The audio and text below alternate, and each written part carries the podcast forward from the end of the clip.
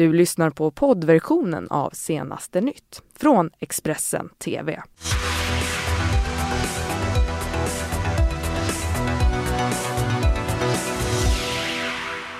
Det är ju midsommarafton idag. Jag heter Ylva Johansson och det här är morgonens rubriker. Ola Bini släpps idag fri ur det ekvadorianska häktet.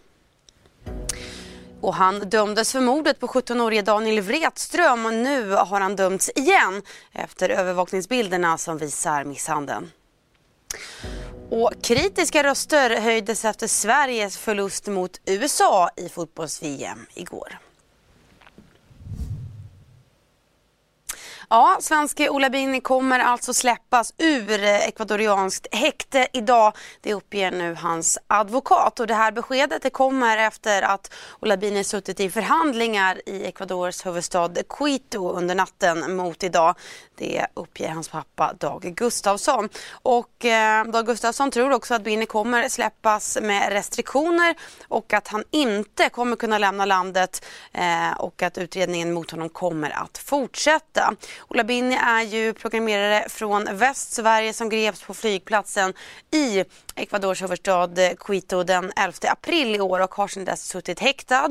Han togs av polisen bara timmar efter det att hans vän Wikileaks-grundaren Julian Assange greps på Ecuadors ambassad i London och han anklagas ju för att tillsammans med Wikileaks ha genomfört hackerattack hackerattacker mot landets regeringskonton. Och det är ett uppmärksammat rättsfall. För 19 år sedan så mördade han 17-årige Daniel Wretström i Salem. Mördaren han dömdes då till rättspsykiatrisk vård med särskilt utskrivningsprövning och nu så har han dömts igen. Den här gången för att ha slagit en man flera gånger i huvudet i rollen som trygghetsvärd i Stockholms tunnelbana. Och nu så kan Expressen också visa övervakningsbilderna ifrån den här misshandeln. De här bilderna visar hur en dömd mördare, anställd av SL, brottar ner och slår en person som plankat. För 19 år sedan mördade trygghetsvärden den 17-årige Daniel Wretström i Salem. Nu har han dömts för misshandeln av mannen i tunnelbanan. Det var i november 2017 som 36-åringen var på tunnelbanestationen i Alby söder om Stockholm. En man i röd jacka har tagit sig igenom spärrarna utan att betala. Han konfronteras av 36-åringen och hans kollegor. En diskussion uppstår. Den plankade mannen ska här ha uppträtt hotfullt och skrikit. Då går 36-åringen till angrepp. Han slänger ner mannen i golvet och de andra trygghetsvärdarna försöker lugna honom och håller fast honom. Då börjar 36-åringen att mata slag mot mannens huvud.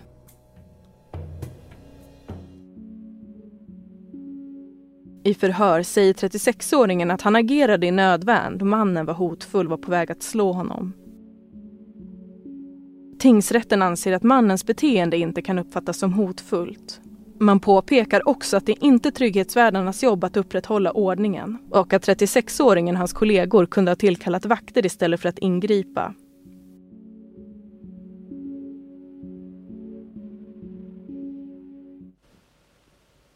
Och det ska vi gå utrikes. Spänningarna mellan USA och Iran har eskalerat den senaste tiden. Irans revolutionsgarde de uppger nu att de skjutit ner en amerikansk drönare. Något som förstås också ökar på spänningarna länderna emellan ännu mer. I USA så överväger nu Trump-administrationen hur de ska svara på den här attacken. Congressional leaders invited to the White House for a briefing on the situation with Iran. Returning to Capitol Hill, Senate Majority Leader Mitch McConnell said the Trump administration is considering measured responses. Senate Democratic Leader Chuck Schumer said he urged the president to proceed with caution and with Congress's input. I told the president that these conflicts have a way of escalating. The president may not intend to go to war here but we're worried that he and the administration may bumble into a war. Prior to the briefing, President Trump said the downing of an unmanned U.S. drone by Iran could have been an error. I find it hard to believe it was intentional, if you want to know the truth. I think that it could have been somebody who was uh, loose and stupid.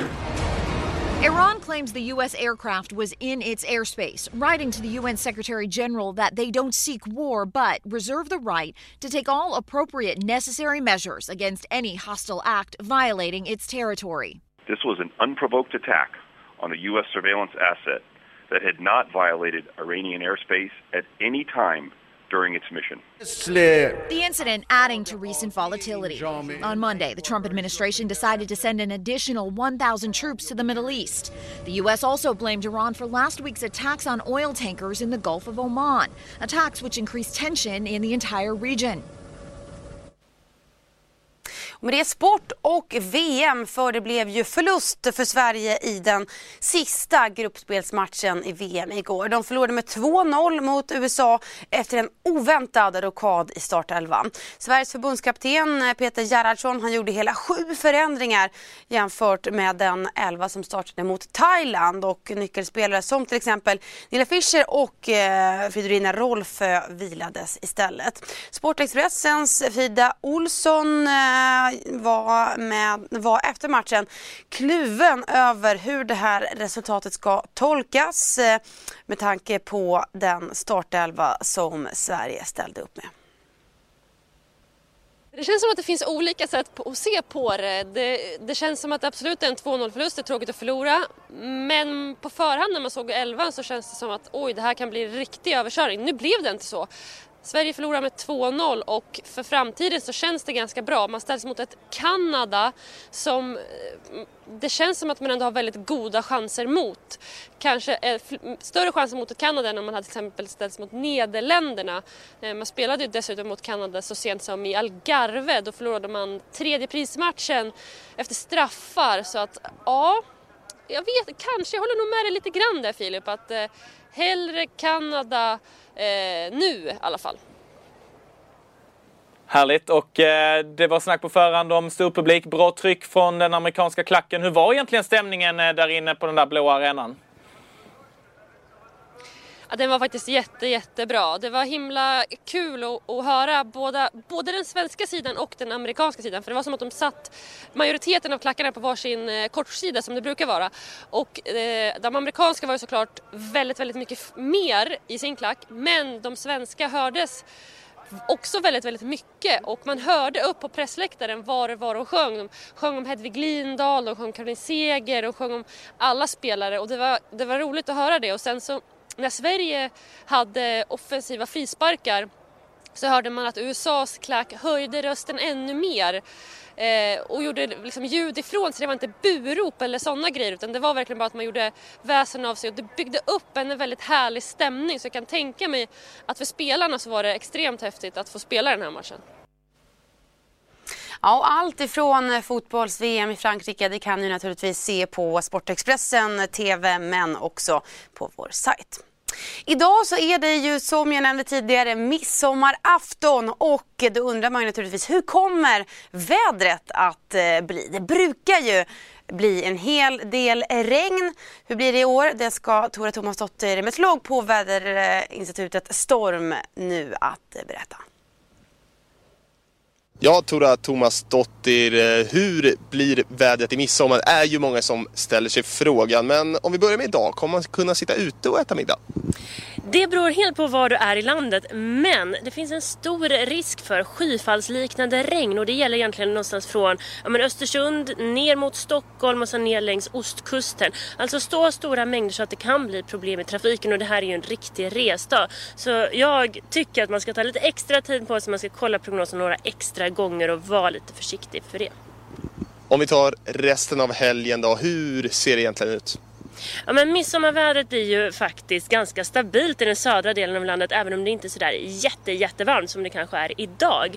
Så en extra tröja kanske man ska ha med sig. I den nordliga delen av landet så har vi då Östersund, Ångermanland, Medelpad så har vi en del åska, eh, lite skurar som bildas så där är vädret ganska oberäkneligt. Längre norrut så är det lite svalare, vi har mer moln och det kommer kunna vara en del regn under dagen men vid kusten så kanske en del solchanser.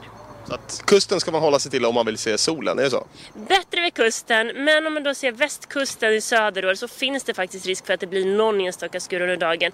Men ganska, ganska bra då skulle jag säga att midsommarväder mot vad det kanske brukar vara.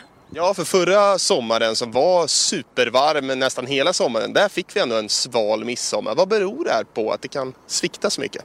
Ja, men det är ju så att i maj, juni så har vädret inte riktigt stabiliserats igen utan vi får varm luft söderifrån och så får vi kall luft norrifrån och så blir det som en liten fight mellan de här luftområdena och då blir det ganska ostadigt väder. Det kan komma regn och det kan bli kallt. Ja, men helt plötsligt. Men sen framåt juli, augusti, det är då vi börjar få in den här lite mer ordentliga värmen. Det blir lite stabilare väder, även om det såklart kan bli åskskurar i den perioden av året också.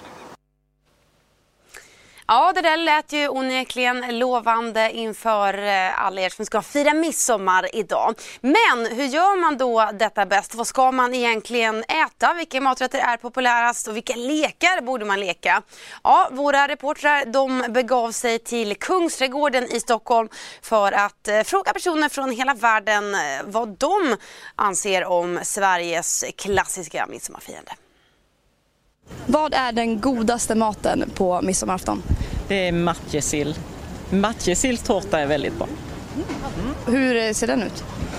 Men, ja, vad ska man jämföra med? En cheesecake fast med sill typ. Ja. Och bästa midsommarleken då? Mm, det måste vara femkampen. Mm. Vad är den godaste maten på midsommarbordet? Ja, jag tycker om de klassiska måltiderna med sill och eh, köttbullar är gott, prinskorv är gott och ja, ett vanligt eh, smörgåsbord. What do you think about the weather? Kind of tradition to rain on midsummer as well. This maybe gonna be some special because it's gonna be so warm. And what is the best food on the midsummer table? Oh, I'm glad you asked, but I like I like most Swedish food, but I think the the pickled herring and the Swedish meatballs are my favorites. Ja, men det är ju sill och potatis alltså. Färskpotatisen och sillen. Riktigt inlagd sill. Och har du någon bra midsommarlek? Nej, ingen direkt där. Jag har nästan vuxit ifrån det tror jag nu. Ja. Ja, sill och potäter som vi säger jag kommer ifrån, det verkar ju vara det som de allra flesta tycker bäst om så här på midsommarafton. Jag tycker ni ska fortsätta titta på oss här i Senaste Nytt. Vi kommer leverera de senaste nyheterna hela morgonen. Du har lyssnat på poddversionen av Senaste nytt från Expressen TV. Ansvarig utgivare är Thomas Mattsson. Ett poddtips från Podplay. I fallen jag aldrig glömmer djupdyker Hasse Aro i arbetet bakom några av Sveriges mest uppseendeväckande brottsutredningar. Går vi in med hemlig telefonavlyssning och, och då upplever vi att vi får en total förändring av hans beteende. Vad är det som händer nu? Vem är det som läcker? Och så säger han att jag är kriminell, jag har varit kriminell i hela mitt liv men att mörda ett barn, där går min gräns. Nya säsongen av Fallen jag aldrig glömmer på Podplay.